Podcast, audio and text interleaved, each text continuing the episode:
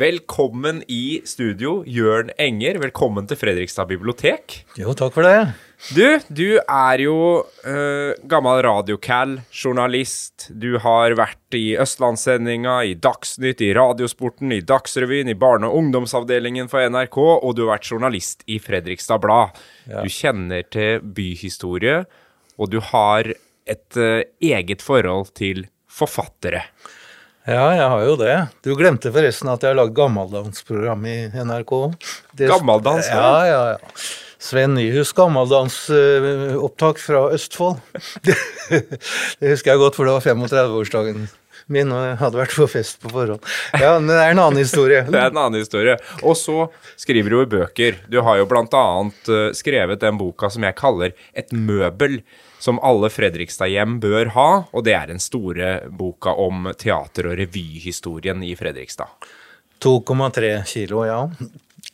Ja, det var litt av en jobb, det. Ja. Jeg ikke har jeg tjent meg rik på den, for å si det mildt. Men uh, det var noe jeg hadde lyst til å gjøre, fordi faren min han bodde jo i Daniel Legers gate nederst, der det var sånn rammebutikk i gamle dager. Eh, nesten inntil gamle Arbeiderforeningen som jo var den tredje største scenen i Norge gjennom flere tiår. Det står sånne skilt eh, rundt omkring i Fredrikstad om forskjellige bygninger som har sin egen historie og sånn. Eh, veldig bra, det. Det står ikke et eneste skilt i Domus-delen av, av Torvbyen. Akkurat der hvor trappa går opp mot uh, Stabberød, liksom. Uh, og Coop Mega, eller hva det er innafor der. Der var det også kanskje den tredje største scenen i hele Norge, hvor alt som var av kjente skuespillere fra hele Europa, hele, ja, Europa òg, men i hvert fall Skandinavia, og Bjørnson og alle disse Roald Amundsen og alle disse store kara. Det er ikke et skilt. Og her er vi jo inne på det jeg tenker er essensen av det du driver med. Det er nemlig å grave fram ting som folk bør vite, og ikke minst byen vår kanskje har vært litt for dårlig til å ta vare på og forvalte? Ja, noe er jo gjort bra, men det blir liksom litt tilfeldig, eh, rett og slett. Uh, og så er det jo de, de vanlige tingene. Det er, liksom, det er jo gamlebyen og alt det der, ikke et vondt ord om det, men det er så mye annet snadder rundt omkring i Fredrikstad. Mange sånne fun facts, rariteter, som mange burde Eh, vite litt om. Og jeg er jo gammel journalist og har alltid vært på jakt etter disse gode historiene som, eh, og fakta som folk ikke vet så mye om, rett og slett. Og det var jo grunnen til at jeg skrev denne teaterboka òg, men også fordi faren min, som jeg sa, han vokste opp eh, i Engergården, tvers overfor baptistkirken da, nå. Gamle Folkets hus i Fredrikstad. Og mora mi, han, og han fortalte om teater, teater, og revy og Arbeiderforeningen. Han var til og med sånn papir... Nei, hva heter det? Programgutt. Som fløy rundt og solgte programmer der i storhetstiden. Og mora mi vokste opp på Sankthansfjellet, Heimdalsgate. Tvers overfor forsamlingslokalet som het Fjellhøy. Eh, og pappa satt jo på Grini i halve krigen, så hun hadde jo bare kontakten tvers over gata, hvor eh, det var et avholdslokale hvor eh, veldig mange sto på utsida da, og drakk utover kvelden. Men det, hun hadde kontakter der hun fortalte om det levende livet der oppe, hvor det ble satt opp illegale revyer og teater og sånne ting. Så det er nok en bok jeg har skrevet litt uh, av foreldrene mine, ja. Mm. Jeg er veldig glad for at jeg greide det, men herregud, for en jobb. ja, det, det, det, skjønner man jo når man ser både det bildematerialet og alle historiene ja. og alt, all verifiseringa som må til i en sånn prosess. Ja, og jeg skrev jo fjerde bind av NRKs historie. Og jeg husker jeg, kom, lurte litt på reaksjoner, men til slutt så kom det fra en som het Kritangen, som døde for ikke lenge siden. Uh, og han sa til 'hvordan fikk du tak i alt det greiene her, Jørn?' Og det er jo det jeg liksom lurer på i ettertid. da, Hvordan fikk jeg tak i det? Uh, og det gjelder bilder, og for alle tror at uh, det er liksom bare teksten som skal forskes i. Men det å spore opp bilder, det er også en diger jobb. Eh, der må man være rett og slett detektiv og kjenne mange. og, og ja, Ikke bare detektiv, men også journalist. Og nå er jo en ny utgivelse på trappene, nemlig Mindre alv, som er denne årboka til Fredrikstad museum. Ja. Uh, og der er jo du en av de sterke bidragsyterne hvert år, egentlig.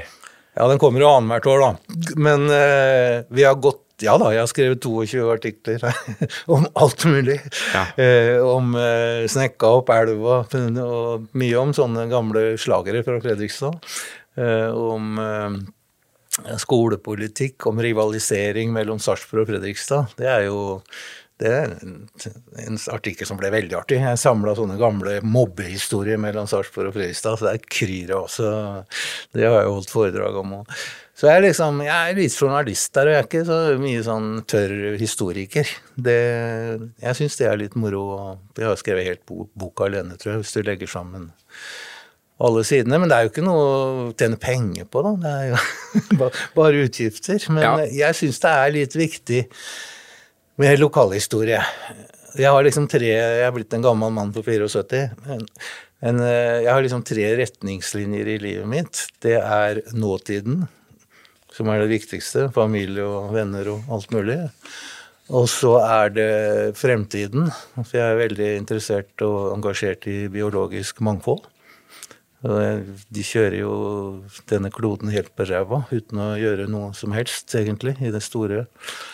Og så er det fortiden. Altså skrive om, eh, om Særlig om byen, byen, vår, da. Men jeg har også skrevet om hele NRKs historie. Så det er liksom det. Nåtid, framtid, fortid. Å være engasjert på alle de tre feltene. Det er det jeg lever litt for. Det. Og det vi skal preke mest om i dag, da, det er jo rett og slett eh, at nå har du tatt kjente forfattere som har bodd og skrevet i Fredrikstad og satt Altså, det du gjør, er jo å sette liksom kulturhistorien i Fredrikstad her, rett og slett, i en eh, litt sånn større sammenheng med, med noen av de mest kjente forfatterne vi har hatt i landet, og har i landet. Ja, ja. Eh, Halden har jo, altså Roger Prang har jo skrevet Haldens eh, litteraturhistorie. Mm. Veldig bra. Eller Halden-forfattere, kaller han det vel.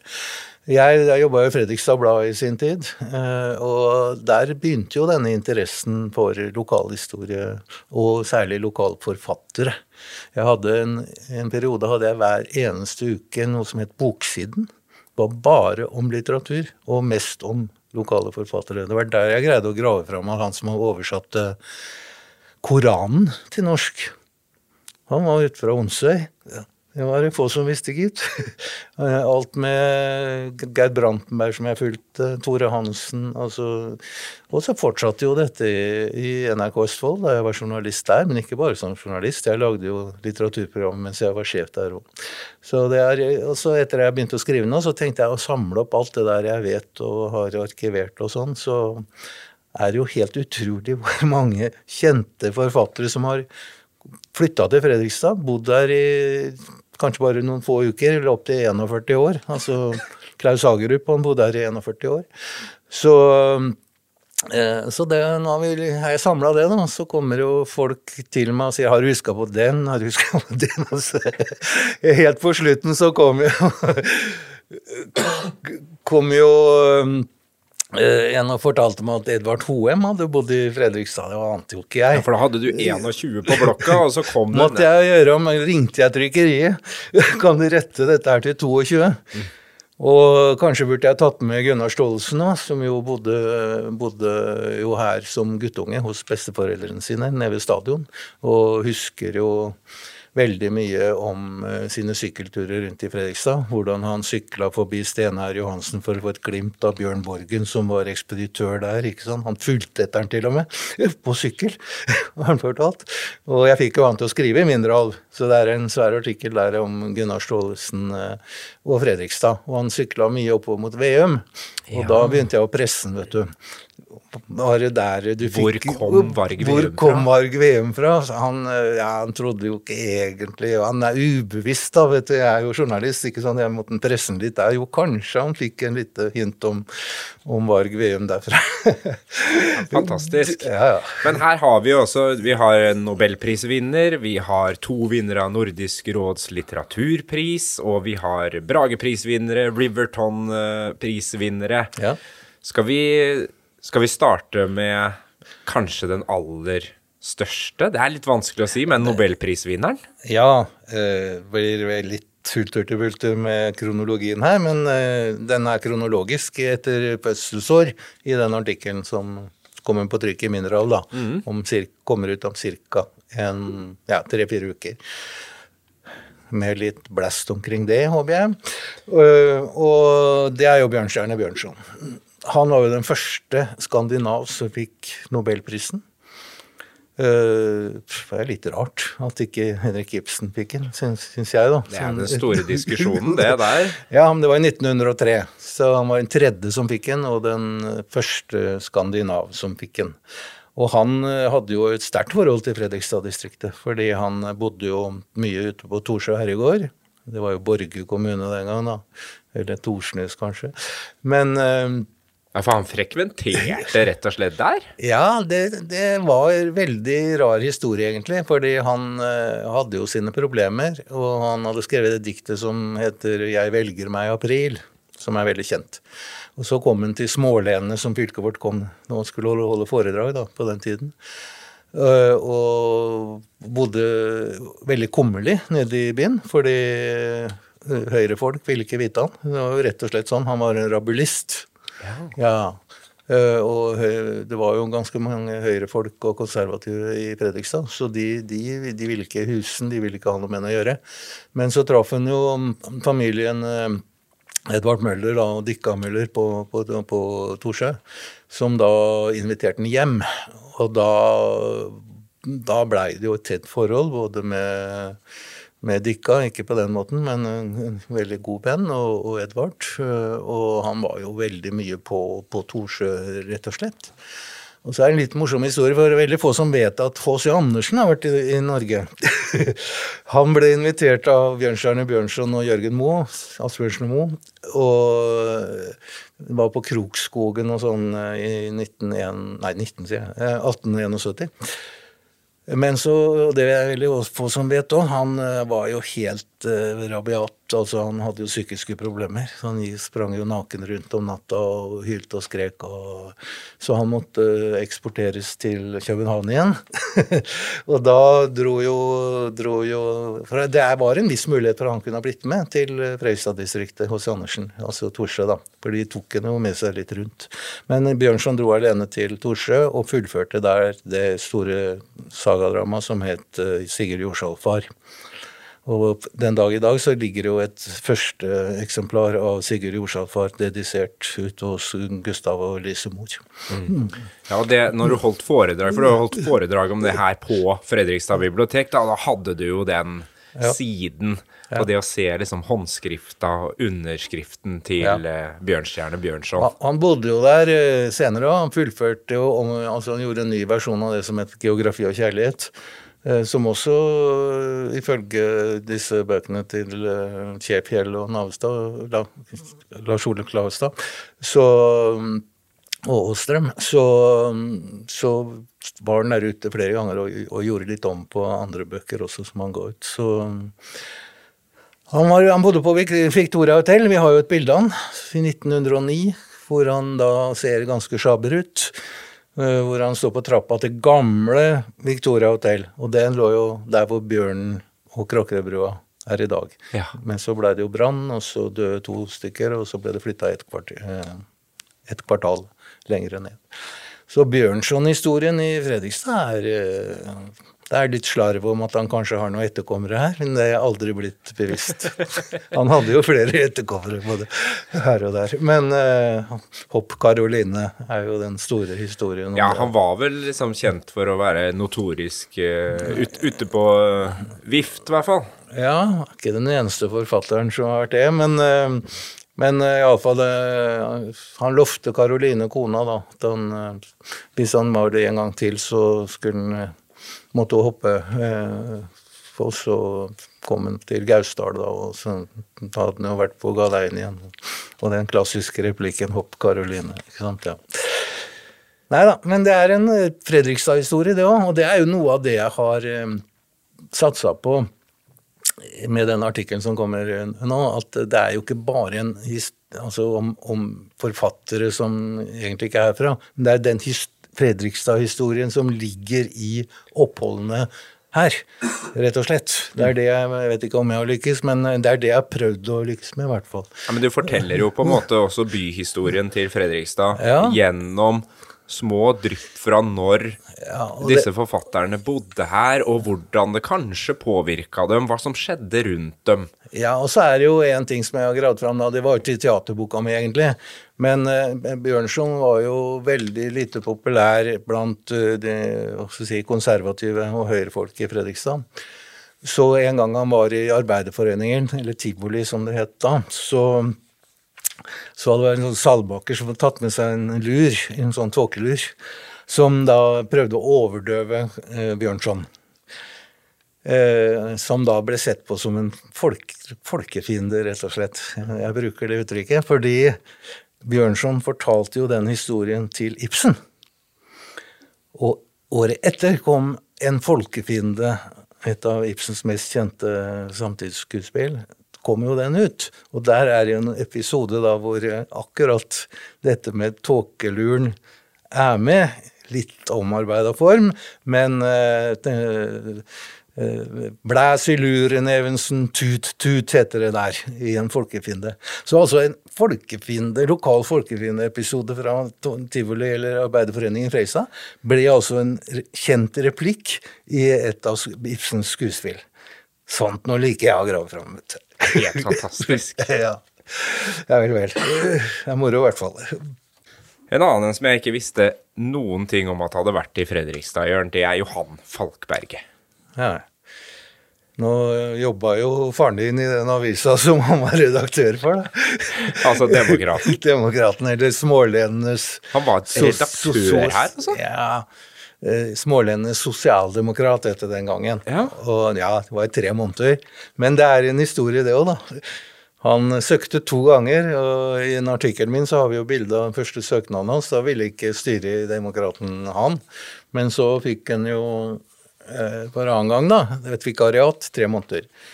Og han, eh, han er jo kjent for eh, en del bøker som kom ut etter han var i Fredrikstad. Det var jo Den fjerde nattevakt, blant annet. ja, Christiane Sextus, Ja eh, Bør Børson, ikke minst. Så han hadde ikke skrevet så veldig mye da han var i Fredrikstad, han var 29 år. Men eh, eh, han, eh, han, han likte, seg, likte seg i byen, men han, han følte ikke at han lyktes så mye som forfatter da han var her. Så han, han forsvant til andre mm, arenaer. Men eh, det er jo, det er jo en eh, Han skrev jo mye lokalt. Og sønnen hans, Magnus, starta jo Falkbergets eh, Hva heter det for noe igjen, da? Det var en sånn teatergruppe i hvert fall, som, som dro rundt i landet. Forløperen til Riks, Riksteatret.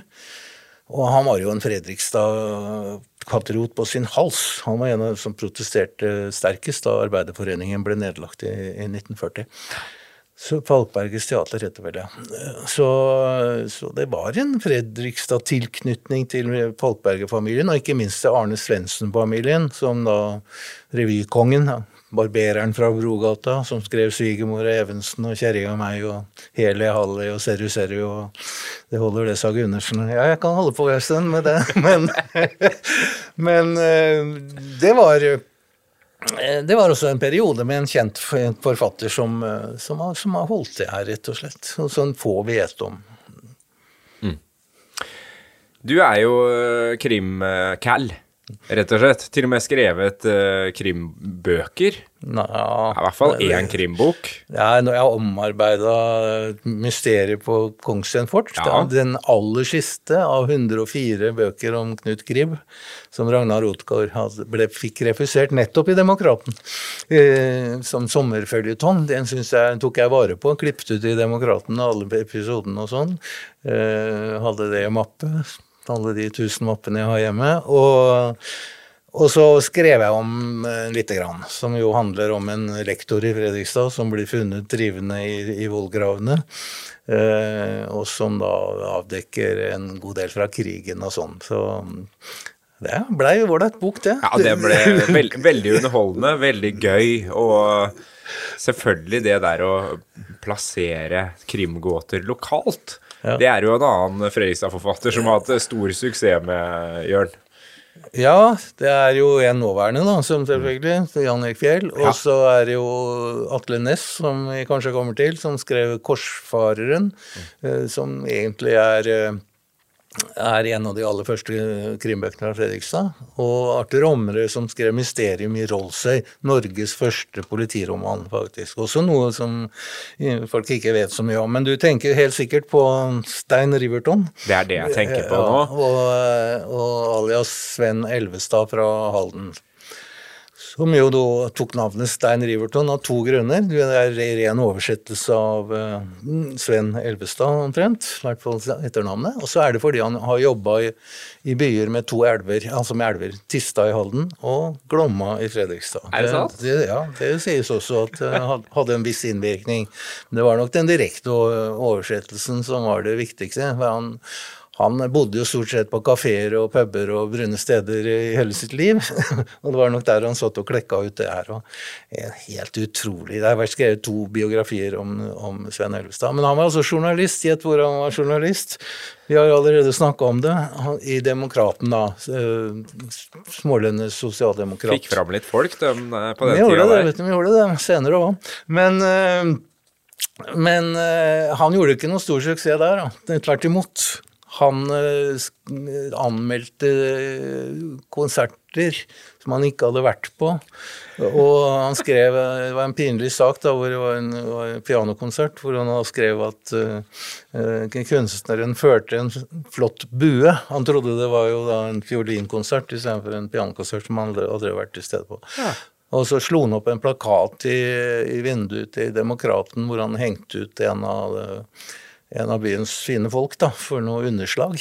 Og da måtte han rømme fra Fredrikstad tilbake til Halden, kort periode, og så til Oslo, hvor han gjorde en fenomenal karriere. Ble ble Norges største kriminalforfatter. og, og solgte noe enormt ute i Europa, rett og slett. Han skapte eh, Norges lengstlevende detektiv, som vi jo har vært inne på, Knut Gribb. Mm Uh, Asbjørn Krag, en annen uh, detektiv, og han skrev det, det, som veldig mange, inklusive meg, mener er Norges beste kriminalroman, 'Jernvognen', som har handling fra Kirkøy på Hvaler.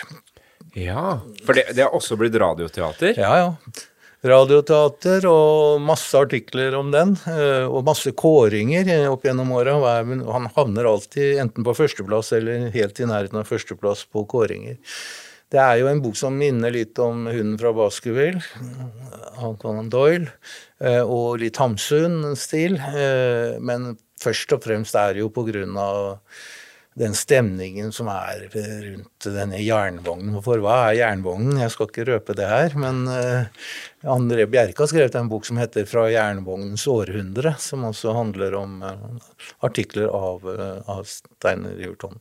Det morsomme med han i tillegg til mye annet, er at han skrev, skrev altså 'Jernvognen' i 1909. Den ble oversatt til et engelsk magasin etter hvert, noen år senere. Uh, og det påstås at Agatha Christie hadde lest den romanen, som ble utgitt i et sånt tidsskrift, da, eh, rett og slett. Et blad over flere nummer. Og i 1926 utga Agatha Christie eh, 'The Murder of Ackroyd', heter Roger Ackroyd, som heter 'Doktoren mister en pasient' ja. på norsk. Og løsningen på den boka er ganske lik den som, som Stein Riverton har i Jernvognen, som det påstås at Agatha Christie hadde lest. Og det var Agatha Christies gjennombrudd. Wow. Så ingen har greid å bevise det. Men uh, det er besnærende å tenke seg det. Absolutt. Men han er, han er, jo masse med Han skrev tre-fire sånne kortromaner fra Fredrikstad. Den, den, mest berømte er jo egentlig hans mest berømte kortfortelling, uh, som heter 'Dødninguret'. Og det er jo antagelig fra Kjølberg herregård ute i Onsøy. En nifs fortelling. Om dødninguret når, det, når du hører det, for det, ingen finner det. De hører det gjennom vegger, så skal noen dø. Ja. Det, vi må ha litt nynorsk òg, Jørn. Ja. Eh, fordi eh, nå har jo Jon Fosse nettopp vunnet Nobelprisen i litteratur. Ja. Og så har vi da Terje Vesaas. Ja, vi har flere. Ja, vi har flere, ja, Eh, flere nynorsk. Skal vi ja. ta nynorsken i en bolk? Det kan godt, det, vet Ja, vi gjør det. Uh, ja, altså Vesås, da. Det var også en liten sånn overraskelse, men uh, det viser seg at uh, Tarjei Vesaas leide hybel i Fredrikstad i 1931 hos familien Nordby. I det som nå heter Karlandergården, altså Storgata 4. Der lå polet på den tida. Eh, Vesaas skulle samle inn stoff til en bok om eh, trelastindustrien.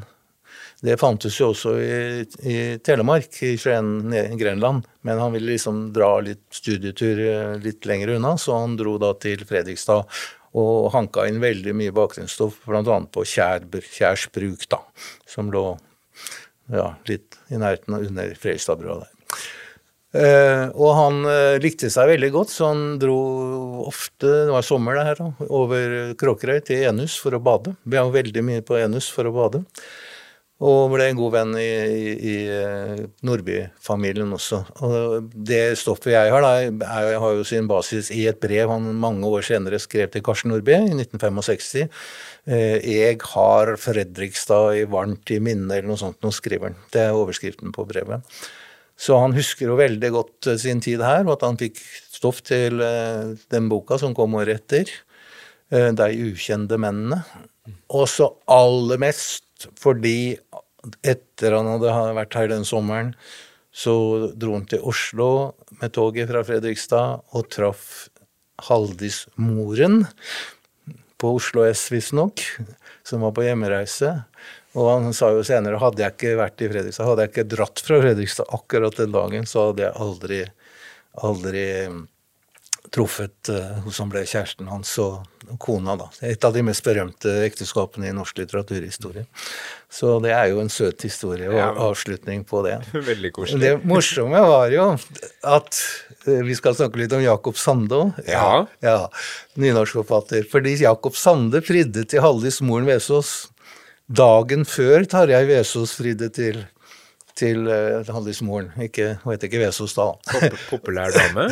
Ja, Og Jakob Sande fikk nei, og dagen etter fikk Tarjei Vesaas ja. Det er helt utrolig. ja. Det, det glemte jeg å skrive i artikkelen, så det er helt nytt. Men, eh, tilføye fotnotene, Jørn. Ja, ja. Jakob Sande var lektor i Fredrikstad fra 1935 til 45. På Den gule anstalt, altså borte ved Fergested. uh, gule anstalt har jo en bred historie i det hele tatt. Uh, han var ikke noe glad i å undervise. Han uh, var ofte uforberedt og sånn, og underviste vel i tysk historie og norsk. Men hver gang det kom noe med et dikt, så våkna han. Så etter hvert så flytta han til Bjørnegården, bodde der eh, i mange år, da. Og kjente rektor Nerdrum og lektor Dahl, eh, Olaf Dahl, veldig godt, og deklamerte dikt for dem. Så flere av de diktene han utga, ikke de aller mest kjente, det, det, det skrev han jo i, i Bjørnegården. Det som heter 'Kallen og katten', som visstnok er tonsatt av en eller annen, den, den skrev han helt sikkert i Fredrikstad. Så han gifta seg, var ikke noe god å være gift med, virka det som. Så mm, dårlig økonomi, drakk en del. Men fikk ei jente, Siri, som ble døpt i Glemmen kirke. Og hun ble en verdenskjent arkeolog, annet eh, med utgravninger i hva heter det, Forum Romanum og slike ting. Så han flytta til Ullern, eh, drakk enda mer og møtte sjelden på jobb og fikk ikke dikterlønn og døde tidlig, men han dro alltid til Fredrikstad for å kjøpe julebrennevin. Ja vel. Ja, for han ville ikke helt gi slipp på den byen han bodde i i ti år. så for det var så lange køer i Oslo, sa han. Det var bare en unnskyldning, vet du. Fordi mm, det var sikkert like lange køer i Fredrikstad. Men uh, han dro Og da, da lå vel polet der hvor uh, Vesaas bodde, altså i Storgaten 4. Så det, er et tilknytningspunkt der òg. Det er noen tilknytningspunkter her, altså. Ja. ja. Kan vi ta den tredje, tredje nynorskforfatteren med en gang? Fordi Edvard Hoem, og nå må vi opp til mot vår tid, egentlig. Han flytta jo til Sarpsborg. Uh, og bodde der i flere år, men kona hans var psykolog på Åsebråten her i Fredrikstad. Uh, og da, det visste ikke jeg, uh, dette fikk jeg jo greie på da, uh, ganske sent, like før trykking. Men han leide en skrivehybel i Bergata, var det vel, på, på Apnesfjellet, hvor han da satt og skrev musikken gjennom Gleng, som var et skuespill om gamle dager. og Selvfølgelig veldig radikalt, da, siden han var Hemmeler. Men det, det er jo et kjent skuespill om, om Sarpsborg, eller Gleng, som var et tettsted i Sarpsborg. Men han satt og skrev den her, og så Her vi sitter, da. Han brukte jo biblioteket her veldig flittig til å skrive det skuespillet.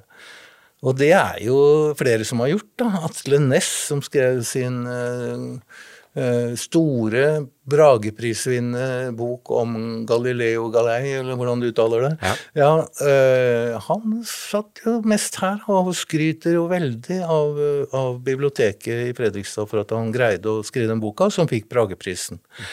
Så det er en del av bibliotekets historie her. Og skal ta den tredje òg, så er det jo Ebba Hafslund. Ja.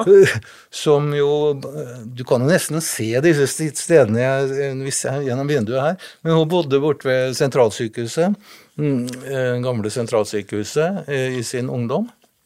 Eller barndom. Eh, hun var seks til ni år eller noe sånt da bodde i Fredrikstad. Og, og Julegården, heter det. Uh, og nå greide aldri å lære seg å snakke dialekt. Hun greide ikke disse l-ene. Klarte ikke å preke? Nei, og hvis du tenker deg Ebba Aslund som voksen, hun snakket jo veldig fornemt høyrespråk, men hun var også vararepresentant for Høyre på Stortinget. Så, Men elskelig dame, så jeg har truffet henne, jeg. Ja. men hun var så sjenert da hun debuterte i 1945 at det gikk seks år før hun turte opptre på, under opplesning på messer og sånne ting. Og det skjedde, vet du, her. For da var På Fredrikstad bibliotek? Ja. Her var det jo sånn bokmesser i gamle dager. Jeg gikk jo på dem sjøl. Jeg opplevde jo Vesaas og Mikkel Fønes og Kuppern og flere her. Foreldra mine tok med. Og det var i den som den gang het Lesesalen. Jeg vet ikke hva det heter nå. nå. Heter det Østfoldrommet? Er det? det er der lokalhistorisk samling eh, ligger. Ja, men da måtte vi ikke, det bare hviska vi i gamle dager. Men eh, når det var bokmesse, så rydda de, og da var det veldig mange som kom. Men i 1951, seks år etter at Eva Aslund debuterte, så var hun her sammen med Per Aabel. Og Nervøs ville ikke lese opp eller noen ting, eh, ville bare signere bøker. Men så oppdaga vi at Per Aabel, av alle mennesker, var så overnervøs at han holdt jo på både det ene og andre. Og da var jo nervøsiteten eh, helt borte for hennes del.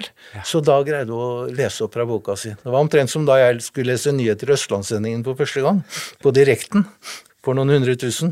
Satt i Oslo. Jeg skjønte dette greier jeg ikke. Dette greier jeg ikke, ikke sant. Så satt en som het Magne Finslo, som var sjef for Østlandssendingen, tvers overfor meg.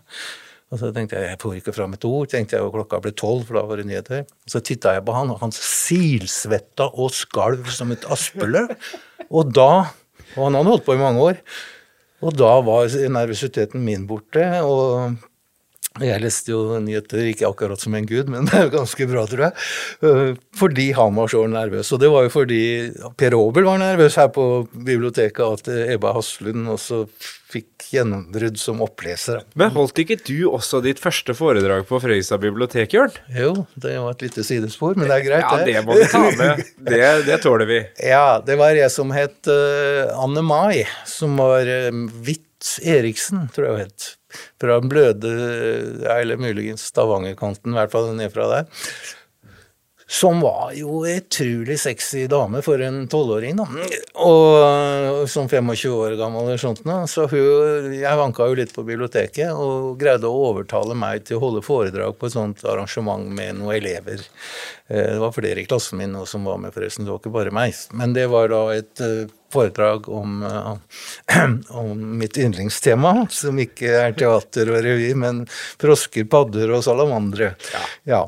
Og eh, Kaja Stabel, som da var biblioteksjef, og som fortsatt spøker oppe i tårnet her. Eh, Det er også noe som ikke så mange vet. Men hun går igjen der. Men hun satt på første benk og så var sånn morsk og streng og så på meg. At eh, jeg hadde min første nær døden-opplevelse. Jeg kan ikke huske hvordan jeg kom meg gjennom det der, men det var mitt aller, aller første foredrag. Ja. Og det har blitt veldig mange etter det. Ja, Ja. Men hun skjønte jo ikke hvorfor i all verden noen skulle holde foredrag om frosker og padder og salamander og sånne ting. Det, hun var litt sånn litterær. Men du var forut for din tid, for nå er det det viktigste, Jørn. Det er dette biologiske mangfoldet, og klare Ja, å bevare det. Noe Så- av det viktigste. Jeg har krang, krangla med mange om det, ja. Ja. Det, vi vi gjør et hopp til eh, Onsøylandet, tenkte jeg nå. ja. Til eh, Fra Alvdal Ja. til Onsøylandet og Kjell Aukrust. ja. Han har jo et nært forhold til eh, Fredrikstad-distriktet. Ja da. Han, han hadde en svoger fra Moss som eide et område, eller campingvogn, eller hva det var, ute på Skjæløy i, i Onsøy. Og der ferierte jo Aukrust og kona Kari eh, i mange, mange år. Rett og slett der ute. Og han, eh, han var med i Skjæløy Vel og betalte sin kontingent til eh, kasserer Teddy Madsen hvert år. Og han, han bare ikke bodde der, men han skrev derfra også. Og disse figurene hans, da Solan og Ludvig, de var jo alltid med. Ja, for dem, Onsø. de, de forbinder man jo veldig med Alvdal og Ja. snø og ja, Flåklypa og Ja, ja. Men de, de var de var, Om sommeren var de lokale skikkelser her. Så han eh, har jo i den eh, artikkelen jeg kom med, da, har jeg fått lov av Aukrust-stiftelsen og Aukrust-senteret å, å bringe tre tegninger fra Onsøy som Aukrust lagde. Eh, Det er jo Solan og Ludvigs i forskjellige posisjoner, hvor de da ligger i fluktstol, de, rusler langs med kysten, og, og de, de er med i flere fortellinger som, han, som har, han har hatt. Og så var han jo fotballinteressert, så da du vet Fredrikstad Alsen i 84, vet du, fra 39,1 meter. 39,1 meter, ja. ja. Ja. Det har Alsen sjøl Tidenes frispark. Ja. Eh, Det imponerte jo uh, Aukrust. eh, I tillegg til at eh, det folk liksom ikke husker som med glede fra akkurat det året, det er at Fredrikstad rykka ned samtidig som de ble cupmestere. Ja. Og eh, året etter så kom Alvdal og Fredrikstad i samme, samme avdeling i, i divisjonen under, da. Og da møtte, har vi jo et bilde av Per Egil Ahlsen og, og Kjell Aukrust på Fredrikstad stadion, som utveksler erfaringer, sikkert. Ja. Ja. Og så er det de tegningene, som du sier, med Solan og Ludvig, og du ser jo på en måte at det er i vårt Ja, ja, område. Det er det som er så gøy her, Solan. Og, og Ludvig speider utover uh, Ja, og de var jo, de var jo østfoldinger om sommeren, da. Mm. Ja, ja, ja. Og så fulgte de jo med, fordi Aukrust han, han var nede på Skagen. Og så var det en sånn drage som han falt for. Gloucester, eller hva han het for noe. Eh, som, som, de, som han og Solan og, og, og Ludvig lekte med der nede, da. Eh, og det gikk veldig fint. Men så skulle han gjøre det samme ved Onsøykysten. Det gikk ikke like fint, for da datt han utfor en skrent og brakk vel begge beina, og det var noe med ryggraden og sånn. Så det er en kostelig historie om det, og hvor han våkner på, på Fredrikstad sykehus med en, eh, med en lege som, eh, som man ikke skal spøke med, som forteller åssen situasjonen er. Og der er Solan og Ludvig med. Og det er jo sånn at eh, Georg Apnes hadde jo, familien hadde jo også hytte på Skjæløy. Mange kjente folk der der. Og, og barna der var jo en gang imellom med på biltur sammen med Aukrust. Og det var ikke, da var ikke Aukrust alene i den bilen. Det var Solan og Ludvig var med. De var kompanjonger, Ja, de, rett og slett. De, de satt i bilen, de da. Så Han snakka med dem og ja, ja, ja, he- hele turen da snakka han med dem. Hva type. jo, det er en morsom, morsom eh, del av eh, Fredrikstads litteraturhistorie, det òg. Helt klart. Ja. Vi skal gå litt tilbake til sentrum, for det, det er jo mye, er mye eh, mannfolk, det må vi si, men så har vi jo uh, en av de virkelig, virkelig store, da, nemlig Gerd Brantenberg. Ja. Ja. Da jeg skrev en artikkel her, så var det liksom en slags definisjon i utgangspunktet at uh, det skulle være folk som ikke var født i Fredrikstad, men som kom hit. Og så hørte jeg noe inn Ja, men Gerd er jo herfra. Men uh, du skjønner, hun var jo fra Oslo, og flytta hit først som seksåring, vel. like før hun begynte på folkeskolen, og hele folkeskoletiden er jo mer eller mindre beskrevet i den boka som heter 'Sangen om Sankran'. Kran', den flotteste boka om Fredrikstad som noensinne har vært skrevet. Ferdig snakka der. Eh, så det var i Bjørne, Bjørnegården, da. Faren var lege. Eh, mora var eh, som het Mjøen også. Altså, Gerd er jo kusina til han i KLM. Ja, Lars Mjøen. Lars Mjøen, ja. ja. Og så het det jo egentlig Mjøen Brantenberg. Så hele oppveksten var i miljøet rundt uh, bjørnen. Uh, og de satte jo opp skuespill og gikk jo på St. Kras skole. Og, og alt du opplevde der, er jo på en måte kommet inn i de bøkene da, fra Fredrikstad. De har andre navn, men det er veldig tett opp til uh, hennes egne opplevelser. Blant annet av søstera, Vera, som døde av polymyelitt under den store epidemien som det jo var på 50-tallet, i 1951. Og det var jo tragedie for familien.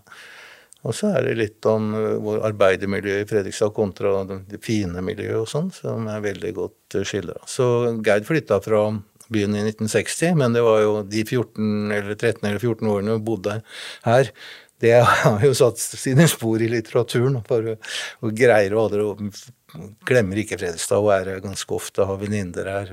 Og da jeg holdt foredrag om, om bjørnen på litteraturhistorien nylig, så, så kom, kom, jo Gerd og skal dit til våren.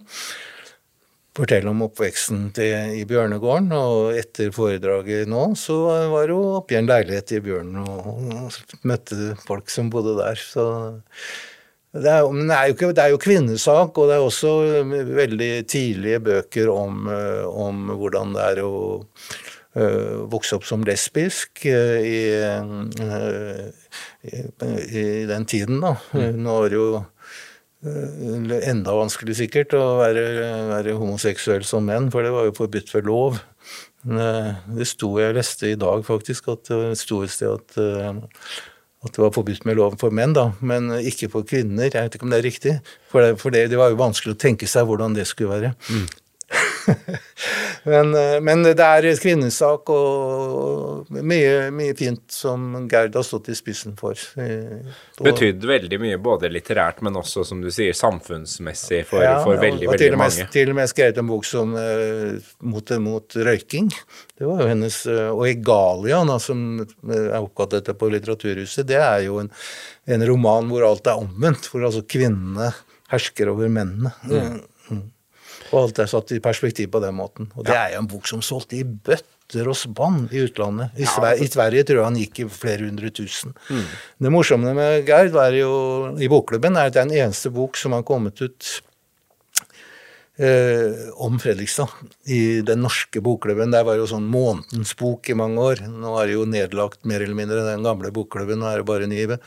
Men eh, dessverre. Men eh, Får lov til å si det her. Dessverre. Eh, men eh, den gang var det altså en Fredrikstad-roman som ble utgitt. Det har ikke vært noen andre bøker om Fredrikstad i den norske bokklubben. og Ekstrapoeng er jo at den ble utgitt i den svenske bokklubben før den kom i den norske. Det er heller ingen annen bok som har, eh, har oppnådd den statusen. Du var inne på det, du titta ut på det området som vi ser mot nå, eh, og det er ikke så langt fra Ridehusgata heller. Det er noe med det området rett ved Fredrikstad bibliotek her, Jørn? Ja, og det er jo masse. Johan Borgen vandra jo mye her. Den andre som har fått Nordisk råds litteraturpris. Eh, jeg nevnte Julegården, som lå noen, noen, kvartaler her borte. Du skal ikke langt opp til Apenesfjellet eller hvor Edvard Hoem bodde, eller Bjørnegården, ikke sant. Eller Storgata hvor Vesaas bodde. Det er, det er, en sånn radius her som ikke er så veldig stor. Men jeg vil skjønne hvor du vil hen. Ridhusgata 2. Jeg vil jo til den forfatteren som i hvert fall overraska meg aller, aller mest. Ja, og meg òg. For dette visste jeg ikke. Eh, jeg kom over på forskjellige måter helt i starten av arbeidet med den artikkelen. Men det viste seg altså at en, en verdensberømt kriminalforfatter, vil jeg påstå, Henning Mankel, bodde i Fredrikstad fra sent ja, 78-79, tenker jeg, og så et uh, par år eh, Han var ute og reiste mye, men han hadde Fredrikstad som base. Og han skrev en del mens han satt i gamlebyen og sånn. Han var jo da samboer med Kari Eidsvoll, som var halvsøstera til Camilla Eidsvoll. Og kusina, vel, til Tone Eidsvoll. Ehm, så, eh, og de gifta seg senere. Fordi hun var under eh, Eller hun, sier hun? Hun var under. Ja, var under eh, Gikk på skole for å bli jordmor på, på, sykehuset. Og det er jo sånn gjennomgående her. Flere, mange av de forfatterne her har kommet til byen fordi pga. kvinner. Mm. Bjørnson var jo egentlig pga. Dikka Møller, mm, bare for å gå så langt tilbake. Eh, Steinar Løding, fra, som bodde på Jakobs Buviksplass, som du kjenner til, eh, på, på, på Kråkerøy. Han, eh, han, kom hit fordi kona var lærer. Atle Næss kom hit fordi kona var lærer. Hoem kom hit fordi kona var psykolog. Og det er sikkert flere av dem som jeg har lista på, som kommer til Fredrikstad pga. jobber til fruene. Det var stort behov for lærere i Fredrikstad på den tida. ja, ja. Så, men tilbake til Mankel. Altså, han eh, hadde jo ikke skrevet sine mest berømte romaner da, men noen. 'Dødbrikkan' var det en som het og sånn. Han eh, reiste mye. Eh, jeg har bilder av han i den artikkelen, og du ville ikke kjent han igjen på det, på det, bildet, sånn som han så ut, sånn som vi kjenner han, som Wallanders store forfatter. Mm. Og det er jo som Wallander, altså Wallander-romanene som jo gjorde at han ble verdensberømt krimforfatter. Men han har skrevet mange fine andre, òg. svenske gummistøvler og flere sånne gode romaner. Fikk et forhold til Mosambik etter hvert. Og apropos det som skjer i Gaza nå om dagen, så var han jo på den konvoien som i 2010 ble, ble bora av israelske styrker. Der var han en av de fremste talsmennene der. Da, som, Nettopp. Ja. Og gifta seg etter hvert med dattera til uh, ingen ringere enn Ingemar Bergman etter Kari.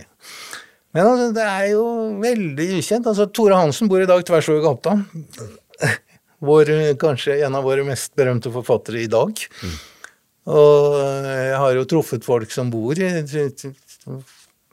akkurat i det bygget, så går jeg litt forbi, da, vet du, og så sier jeg 'Vet dere hvem som har bodd her, da?' Nei.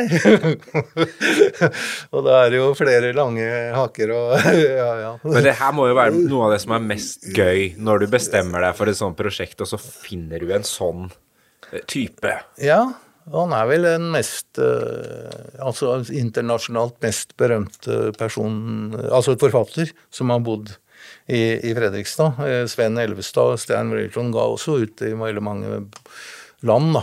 Men um, det er litt uh, At det kommer noen fra, fra, andre land og slår seg inn. Jeg hadde også en liten hemmelig sak med en som het Herman Bang. Han var homofil dansk forfatter. Hans best kjente roman heter Tine.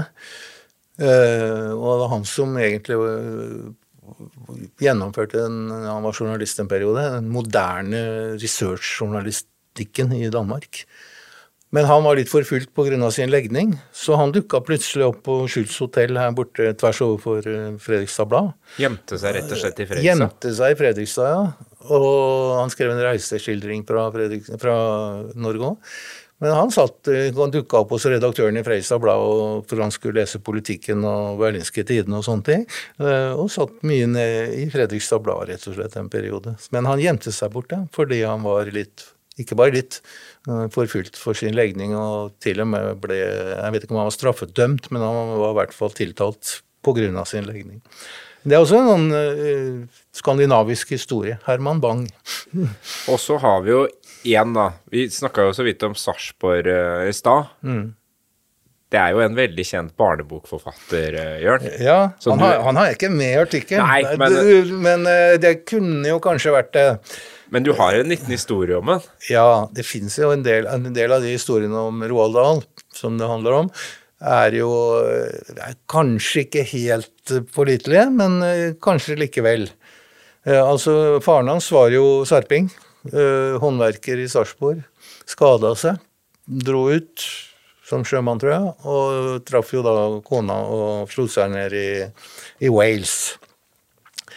Og så kom jo Roald Dahl og slo gjennom med alle sine noveller og makabre noveller og barnebøker og ble jo en verdenskjent forfatter. Han snakka flytende norsk. Men han han bodde jo en del på Sørlandet, men også, bodde også på Ankø en periode om sommeren. da. Og da hadde han jo en, eh, en eh, han kjente godt, Steinar Opstad fra Sarpsborg, som da kjørte han litt rundt. Og det sies, og nå kommer det da, ja. men det er jo en fascinerende historie, det sies at han i 1960, det er det det handler om, kjørte forbi Brynildsen fabrikker nede ved Mosseveien. Og så spurte han meg hva driver den fabrikken der med? Jo, svarte vertene hans, de lager sjokolade og drops. Året etter så kom Charlie og sjokoladefabrikken. Jeg vet jo at uh, Brynesen har jo brukt det på nettsidene sine, men for det det er verdt La oss si det sånn, den kan være sann. Men det, kan være sant. Det er i hvert fall en veldig god historie. En ting som vi vet er sant, da, Jørn, det er Jens Bjørneboes opphold i Fredrikstad. Ja, det var ikke så langt med lenge. Nei. Men eh, nei, han eh, hadde jo rusproblemer. Personlige problemer. Alle mulige problemer, egentlig. Men var en stor for etterkrigsforfatter. Jonas og Den onde hyrde og Haiene etter hvert og sånn. Men dette Bestialitetens var før, historie og alt. Ja, ja. Tre ja. med det. Og det var det han holdt på med. Siste bindet, som het Stillheten. Da han ble skrevet inn på Blå Kors, like ved Frydenberg eh, gymnas. Uh, og i Sandveien 15 uh, i 1973, august. Da holdt han på med stillheten, eller avslutningen på bestialitetens historie. Det fins et portrett av han som jeg lurte på om jeg skulle bruke i artikkelen, som er fra august, selvportrett som han lagde. Jeg kan være at han har lagd det på Blå Kors i Fredrikstad, men jeg, det, jeg fikk ikke tillatelse til å bruke det. Men det står i Tore Rems biografi om Bjørnboe. Nei, han kom til Freistad, og det var baluba de luxe da han kom, fordi um, han traff en svirebror på toget nedover, og de hadde det veldig gøy. og Så det var veldig mye bråk eh, og hurra, hurra meg rundt da han ble skrevet inn på, på, på Blå Kors, men da var det jo slutt på, på drikkinga òg, da. Og han hadde en sånn munkecelle, som han kalte det. Og der eh, satt i, nærmest i mørket med rullegardinen nede. Så Odd Holten, som kjent Kristelig Folkeparti-politiker, lagtings, lagtingspresident, parlamentarisk leder for Kristelig Folkeparti på Stortinget senere, han var jo bestyrer den gangen, og han har fortalt meg, og det står i artikkelen, at han gikk innom og sa hvorfor er rullegardina nede, det er så fint vær ute og sånn. Og da svarte Bjørneboe at du, du Holten, du er en grå mus, du, du vær glad for at du er det, fordi jeg, jeg tåler ikke lys og, og, og, sånn, jeg. Så han ville, ville sitte der i mørket. Han eh, skrøt veldig av oppholdet sitt i Fredrikstad. Han eh, engasjerte seg på sin egen bursdag 9.10, oktober da han kom ut, i en kamp i spaltene mot en Halden-forfatter som het Bjørn Gunnar Olsen. Fordi Bjørn Gunnar, som jeg kjente veldig godt for øvrig, han eh, hadde jo sagt at det var sånn religiøs påvirkning på Blå Kors som var ubehagelig, for han hadde jo vært der sjøl. Det fant ikke, fant ikke Bjørneboe seg i, så han skrev en kronikk i en avis som vi har nevnt noen ganger nå. Ja, ja Demokraten, Demokraten. Hvor han da forsvarte oppholdet sitt veldig og skrøt av folk på, på Blå Kors. Til Blå Kors i beundring og takknemlighet av Jens Bjørneboe, står ja, det her. Du ja. har jo funnet fram den artikkelen nå, selvfølgelig. Jeg fant den i Nasjonalbiblioteket, ja. Mm. Ja da. Eh, så sprakk en jo så det suste. Våkna opp i København, visste ikke hvordan han var kommet dit. Det er akkurat som Åge Samuelsen omtrent i sin tid. men, eh, men eh, Så da liksom virka jo ikke Blå lenger. Men det, om det var like før eller like etter, så greide han jo å fullføre 'Stillheten', altså som er siste bind av 'Bestialitetens historie', som er et storverk i norsk litteratur. Og det er jo, Nå vet jeg ikke jeg, sannsynligvis ikke, at han, han skrev nok ikke på den mens han var i Fredrikstad, men at den svirra oppe i hodet på han mm. fordi det var avslutningen, det er jeg overbevist om. Så, så det, der har også Fredrikstad satt sine spor i i, litt, i norgeslitteraturen, rett og slett. Mm. En annen virkelig karakter er jo Aksel Jensen, når vi er inne på litt sånn brokete typer og litt rus og ja. Ja, ikke bare litt. Nei, eh, ikke ja, bare Aksel litt. Jensen, ja. Han er jo kjent for flere ting. Altså trekantforholdet mellom Marianne Ilen eh, og han, og selveste Leonard Cohen. Yes. So Long Marianne er jo den, eh, den eh, visa til eh, Cohen, da, mm. som karakteriserer det oppholdet på mm, på Hydra, heter den øya. Ja. ja. I, i, I, Hellas. Ja, i Hellas, ja. Og som det har vært skrevet om bøker om, og det har vært uh, lagd uh, den gangen radiodokumentarer, det er datidens podkast, prisbelønt om det. Og jeg greide jo faktisk å få intervju med henne på Larkollen da to år før hun døde, vel, egentlig. Og det tror jeg var, for hun nekta jo de fleste, at Jon Michelet la inn et ord for meg. For jeg, han bodde ikke så langt unna. Mm. Så jeg tror hun sjekka hvem denne Enger var, med Jon Michelet, som da Oi, jo, bare stå opp. Så, så, det ble jo et kjempefint intervju, egentlig. Så, og så kommer jo Fredrikstad-tiden, for han skrev en bok som het Epp, som han fikk en høy pris for. Eh, en stor pris for. Uh, engelsk pris, tror jeg. Og da flytta han til Skippergata 5 i Vaterland i Fredrikstad. Ble gift, vel, eller samboer, det vet jeg ikke helt. Men uh, hadde fast stamme og fikk barn. Og så viste det seg at det kom en poet, eller uh, iallfall en litt sånn bohemaktig fyr fra England for å intervjue uh, Aksel Jensen. Og da oppsto det et forhold mellom, mellom denne poeten og dama til Aksel Jensen. Og det, da klikka det veldig for Aksel Jensen, og han øh, dro rett og slett til England for å få LSD-behandling på en klinikk der, som ble ledet av en veldig kjent sånn professor som het Lying, tror jeg. Mm, verdenskjent LSD-mann, så han markedsførte jo det. Og det var jo, dette var jo rundt 66-67, øh, og det var jo mange, som vi husker, en del popmusikere, bl.a. i mitt favorittband, som eh, Beatles, som da prøvde Dette er rundt Sgt. Pepper-tida? Akkurat. Som prøvde LSD. Så dro jo Aksel Jensen etter hvert tilbake, da, men han hadde med seg den derre eh, LSD-ryggsekken. Ikke fysisk, men eh, Og det ble en veldig vanskelig tid ute i Vaterland. Han, de, de, hadde jo ikke Jeg, jeg snakka med veldig mange folk som bodde der på den tida. Han hadde ikke gardiner eller rullegardiner og sånt, så det var veldig mange i gamlebyen og på Vaterland som gikk turer om kvelden forbi dette huset, for der, der var det mye som foregikk. Der foregikk det ting. ja. ja. Og så var det den, den der historien som ble fortalt på litteraturhuset her også, han Torgrim Eggen het han vel. Eh, som skrev biografi, og som forteller i detalj om dette her, at Aksel Jensen trua med å dra på Høyfjell av Borredalsvannet oppi der og sette ut LSD i drikkevannet for å ramme hele Fredrikstads befolkning. Det er en god historie. Mm, eller god og god. Dramatisk, i hvert fall. Det ble ikke noe av det, fordi dama hans fikk en av det, men han, han trua også med å gi LSD til barna deres og sånn. Så det var eh, vonde år for han, og for mange andre sikkert. Eh, så ble han jo veldig interessert i det jeg var interessert i faktisk på den tida, altså naturvern på Øra-området.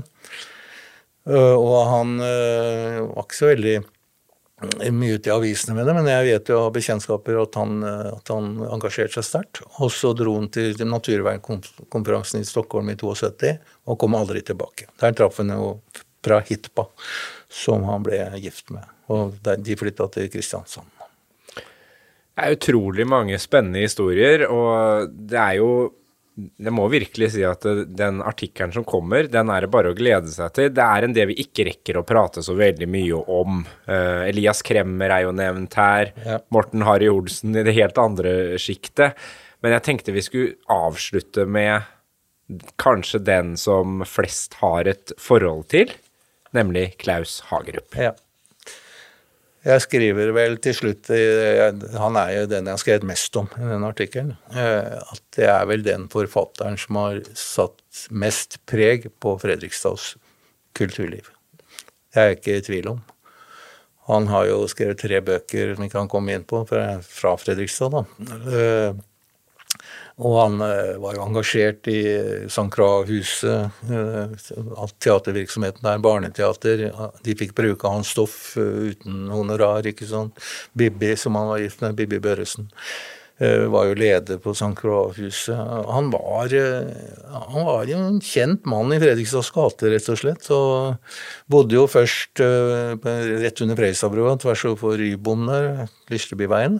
Og så flytta de til til uh,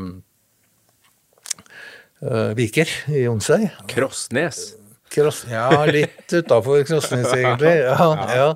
Uh, Myråsen het det der. Og, og, der kom for hennes foreldre òg. Han, han, var jo Faren hennes var jo rektor på en sånn kunsthåndverksskole i, i, i, Bergen og holdt på å bli sjef for Pluss. Det var derfor hun kjente til, til Fredrikstad på forhånd. Mens Klaus hadde hatt noen kurs for sånn Gamlebyen folkehøgskole i drama og sånt. Du kjente jo Fredrikstad litt fra før, da. Men der ute kom også Inger Hagerup etter hvert, hans mor. Og hun bodde jo, var nærmeste nabo, jeg husker ikke om jeg nevnte det, men hun var nærmeste nabo til Henning Mankel. Borti Fergestedsveien. Ja, der har du enda en, ja, en ja, jeg kan nesten se dit òg. Alders hvile heter vel. Hvor lyktes seg ikke noe særlig der, men da da oppdaga Henning Mankel og hans uh, krets, så var hun jo veldig mye inni inne i Ridhusgata 2 også, der Mankel og, og flere andre bodde. Og hun, det sies at hun kom gjennom et hull i gjerdet på Aldershvile. Mm. Og hadde det gøy der, og det ofte det ble drosje hjem et kvartal. Men uh, det er også en del av mankelhistorien med, med, med, Inger Hagerup. Men uh, da Inger Hagerup døde, så skrev jo Klaus en fantastisk flott biografi om mora si. 'Alt er så nær meg'. Og mm, han skrev jo etter hvert uh, Marcus og Diane og Herremann. altså det, det var jo bestselgere. Han, han hadde TV-programmet Nikkerne sammen med en annen Fredrikstad-skuespiller som jeg har glemt navnet på nå. Eh, ja. Men iallfall, det var sånn satireprogram som kringkastingssjef Bjartmar Gjerde var eh, forbanna på. Og, og, og, det hadde aldri vært noe sånn i NRK før, vet du, for det var jo ganske mange som fikk unngjelde. Men uh, det var Terje Nordby og, og, Klaus som skrev, skrev tekstene til det, da. Men eh, det er liksom en god del av NRKs historie også.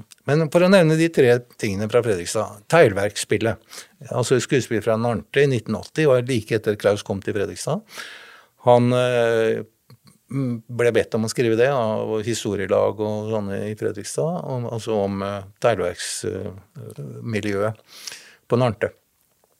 Kjent, mange kjente skuespillere der. Anne Krigsvold var jo med. Terje ja. I hvert fall kjente, veldig mange kjente. Og Alf Kranner ble skrevet om musikken. Mm. Fortsatt så settes seilverksspillet, deler av det, opp på skoler i, i, i Borke. Og, så det lever videre. Jeg var på Byarkivet i, i går, traff ei jente som, som får vikariat der. Ganske ung jente sa ja, jeg vi spiller teglverksspillet fortsatt.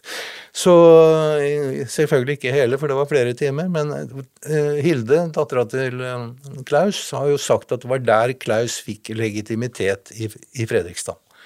For det er ikke så lett, den store verdensbyen, eller lille, eller hva det er for noe, å komme utenfra og etablere seg i Fredrikstad.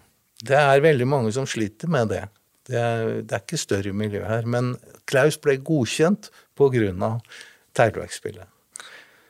Den andre eh, boka er fra 1996 eller noe sånt. Han var veldig engasjert. Han var med i alle disse dragefestivalene i Fredrikstad. Han var en dragefest-entusiast. Dragefestivalen på Isegran. Isegran, og også noe litt borti gamlebyen. Da skrev han, inspirert av det, den som heter 'Drager kan, skal fly'. Drager skal fly. En veldig rar roman om ei jente som heter Ellen, som da tar toget til Fredrikstad, kommer fra Oslo, sammen med en mann som merkelig nok heter Fredrik Fredriksen fra Fredrikstad. Og han hopper av toget på Rådesletta og flakser som en drage bortover jordene der. Sånn, det, sånn begynner den boka.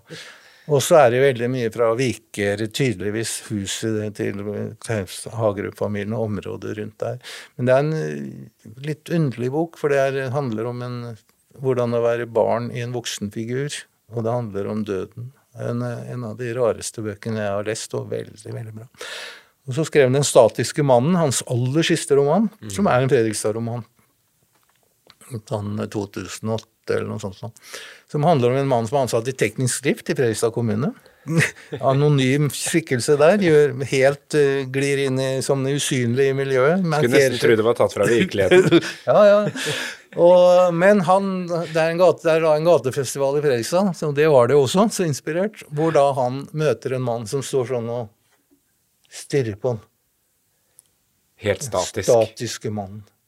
Og akkurat den opplevelsen, det er borte ved Glade hjørnet, tror jeg, så det forløser noe i denne anonyme uh, mannen fra teknisk etat i Fredrikstad, som bor ved Holmen, like ved Holmen-senteret. Uh, og han uh, prøver da å skaffe seg et, nytt, et annet liv liksom ved å reise ut og oppleve ting. Og så kommer han tilbake igjen og møter denne statiske mannen igjen.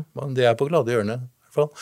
Og da, da liksom er eh, historien slutt, for da har han opplevd noe. Det er ikke et forspilt liv lenger. Eh, Det er akkurat uttrykket Klaus brukte da jeg intervjuet han. Det handler om et forspilt liv. Eh, og så drar han tilbake til leiligheten sin på Holmen, da. Men det er inspirert av en virkelig gatefestival som var i Fredrikstad. Klaus Hagerup tok, fikk jo to Bragepriser.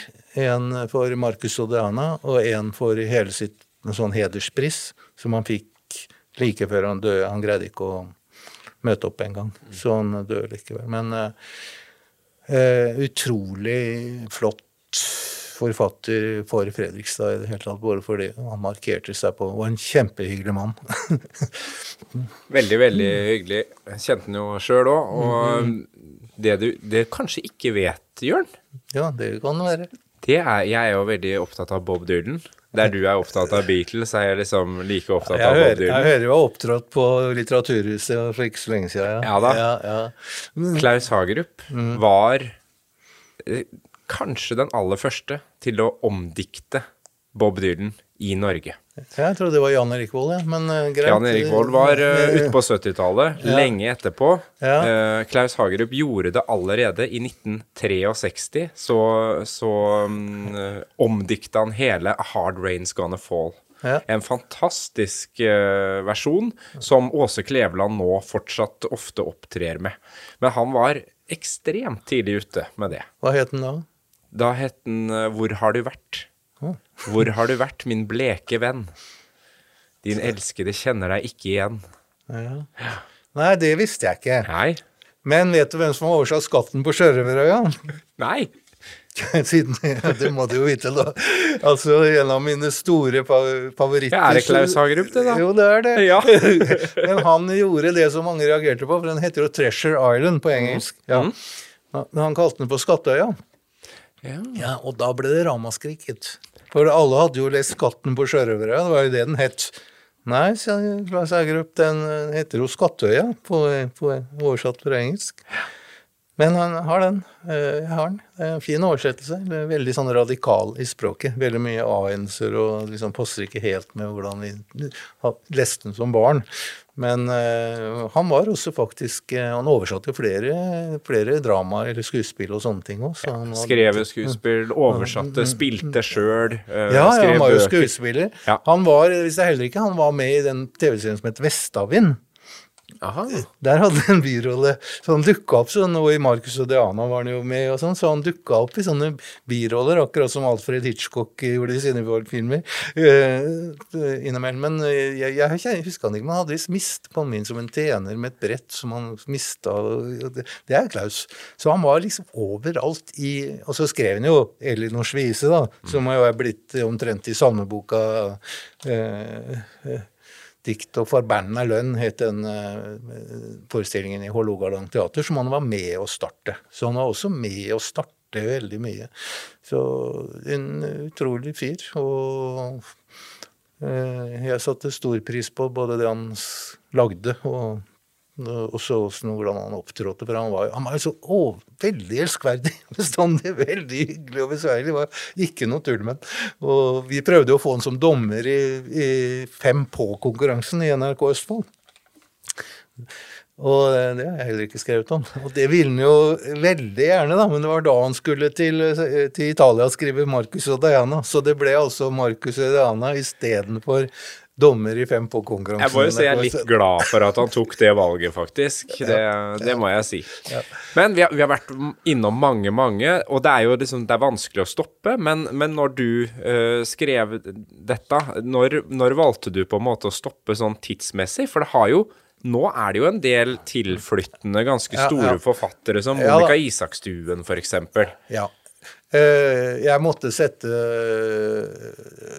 du, du, et punktum eh, ved år 2000. Ja. Og du nevnte Monica Isakstuen, som har markert seg veldig. Du har Linde Hagerup, som har, Du har Jan Ove Ekeberg. Og ikke minst en som jeg kjente veldig godt, som bodde oppå Kapellfjellet, som vi nesten kan se herfra, Mai Grete Lerum. Mm. Som altså er en av de mestselgende forfattere i Norge noen gang, med sen, denne lange serien sin. Hun har jo flytta tilbake til eh, Vestlandet nå. Eh, men det, hun hadde jo hatt en, eh, en, en, naturlig plass, egentlig. Og Margrethe har jo skrevet Solstorm-trilogien. Altså en barnebøker som er fra Østfold og Fredrikstad. Og den, det, er den boka om Østfold som har den største, beste åpningen. Altså første, første kapittel. Der kommer det der kommer de med Bastøferga. Det handler, handler altså om at, alle, at, strømmen går i hele fylket. Og hvordan man da lever uten strøm. Apropos det ting som skjer nå om dagen. Og da kommer Bastøferga inn mot uh, Værlebukta i, i, Moss. Og byen er oppløst, nei, opplyst. Uh, flott, og hvilket fantastisk syn. Og så pang, så er alt mørkt. Da går strømmen i Østfold. Og hvordan de da kommer seg i land, hvordan de overlever oppe på Lisleby, bor de vel og sånn. Er jo en flott trilogi fra Fredrikstad på noen barnelitteratur. Mm. Men hun burde vært med. Er det flere jeg tenker? Ja, det er sikkert flere òg. Men Jan Ove Ekeberg òg. Selma Lønning Aare bor her, vet du. Det, det, det, kommer stadig nye forfattere ja, til. Ja, jeg kunne ikke Og du, selvfølgelig også uh, Hanne Hagerup, selvfølgelig. Mm. Mm. Men når Hilde var jo sånn Hun har skrevet litt om Hilde, da. Men uh, Hilde var jo født i, i Nord-Norge. Så der har vi gått innafor diskusjonen at det er ikke født ved Fredrikstad, mens Hanne er født i Fredrikstad. da blir det veldig sånn flisespikkeri her. Men uh, jeg måtte liksom velge noe. Men det jeg kunne tenke meg men jeg tror ikke jeg gjør det, for jeg er veldig skuffa over den uh, oppslutning som lokalforfatter i Fredrikstad har. Både blant uh, kulturadministrasjonen, og jeg får jo ikke noe høy stjerne, sier det jeg sier nå, men uh, kulturadministrasjonen og blant kulturpolitikerne i Fredrikstad, da er lok altså lokallitteratur er nederst på stigen av interesse- og satsingsområder. Så å gi ut en lokalhistorisk bok i Fredrikstad, det er noen få som klarer det, som har sine nettverk, men det er, det er altså en form for harakiri. Det er du får, tjener ikke noe på det, og du føler at det ikke betyr noe i, i storhelheten. Jeg skulle gjerne skrevet en fullverdig litteraturhistorie for Fredrikstad. Da hadde jeg fått med alle, som, alle de som er fra Fredrikstad. Da hadde jeg fått med Tore Hansen, Sten Nilsen, eh, for, for eksempel. Eh, og, og, Ida Jackson, bare for å nevne noen eksempler. Uh, og de som, også den biten som jeg har nå, da, som er sikkert halvparten av litteraturhistorien, har også fått med de etter 2000. Og de som har brukt Fredrikstad, det er også morsomt, som arena. Og som ikke Altså, jeg spurte Jørn Lier Horst en gang hvorfor en av disse bøkene hans uh, om Wisting starta bort ved Kongstinhallen. Uh, jo, sånn, kona mi jeg var på, med dattera vår på håndballturnering der, og så, så, valgte jeg det. Unni Lindell har et eller annet opp fra en kennel oppi, oppi, oppi på VM-traktene, eller Rådsøy. Og flere har liksom brukt Øvre Riktig Frikk, nevnte jeg. En gammel sånn fantasi som skapte Jonas Fjell. Uh, har, jo brukt Fredrikstad. Så det, det, er også en morsom del av litteraturhistorien. Men for å si det rett ut, jeg tror ikke jeg gidder. Kom igjen da, Jørn. Jeg syns du skal gjøre det. Og uansett så har vi muligheten Ja, men nå vet jeg at Fredrikstad bibliotek sponser hele den utgivelsen. Absolutt. Nå skal vi jobbe for å få inn kronene her. Det vi i hvert fall kan gjøre, det er å sette oss ned her en annen gang og preke videre om eh, Fredrikstad-forfattere, og forfattere som har bodd i Fredrikstad, for jeg vet at det kommer til å dukke opp mange flere, og du klarer nok ikke helt å gi deg, så kjenner jeg deg rett? Gammel mann, vet du. Tusen takk, Jørn Enger. Det er hyggelig å være her. og det Også et bygg da som jeg har et uh, sterkt forhold til. Jeg nevnte jo det foredraget, men jeg, det var jo kino her i sin tid. vet du. Jeg var på Svinesund eh, på harrytur og kjøpte meg en, en, DVD med gamle Tarzan-filmer. Som kona mi har sittet og sett litt på. Johnny Weissmuller og Mye Tarzan, Hugh Jane og sånn. Ja, ja. ja Svart-hvitt. Kveld, da. Så jeg jo her. Vi så på en i forrige års. Altså, biblioteket var jo kino ja. i, i, i mange år. Og og jeg satt jo og leste til forberedende her. og sånn. Det er jo et bygg som også burde få sin historie. Det, hvor mye som har skjedd. Det er mange kunstnere som har vært der. og Grafikktriennalen i mange år. altså du, du, Det er uendelig. Det nærmer seg jo Bjørnens historie med all sin allsidighet. Og til neste år er det altså 100 år siden bibliotekets aula åpna. I 1924 åpna den, og i 1926 åpna biblioteket. Ja, og kinoen ble jo ganske tidlig, det også. uten at det Ja, det var i 24. Begynte man ja. å vise film her. Ja. Fra 24 til 1966 viste de film. Dere har jo et spøkelse her. Ja, dere, har, ja, dere, har, jo alt. Jeg fikk eh, signaturen til kuppelen når jeg går forbi akkurat Jeg vet akkurat, jeg kan peke på akkurat den kvadratmeteren der jeg fikk signaturen til kuppelen i sin tid. Så det er veldig mye som jeg har opplevd her. Det er et fantastisk bygg, og jeg vet at det eksistert noen uh, luftige planer om uh, å flytte til noen sånne digitale greier bort på verkstedet men, men uh, for all del, bevar, selv om det kan være litt tungrodd og sånn her, bevar dette kulturbygget. Vi går på spøkelsesjakt nå, Jørn, så prekes vi. det gjør vi. Takk for at jeg vil komme, da. Produsert av Fredrikstad bibliotek.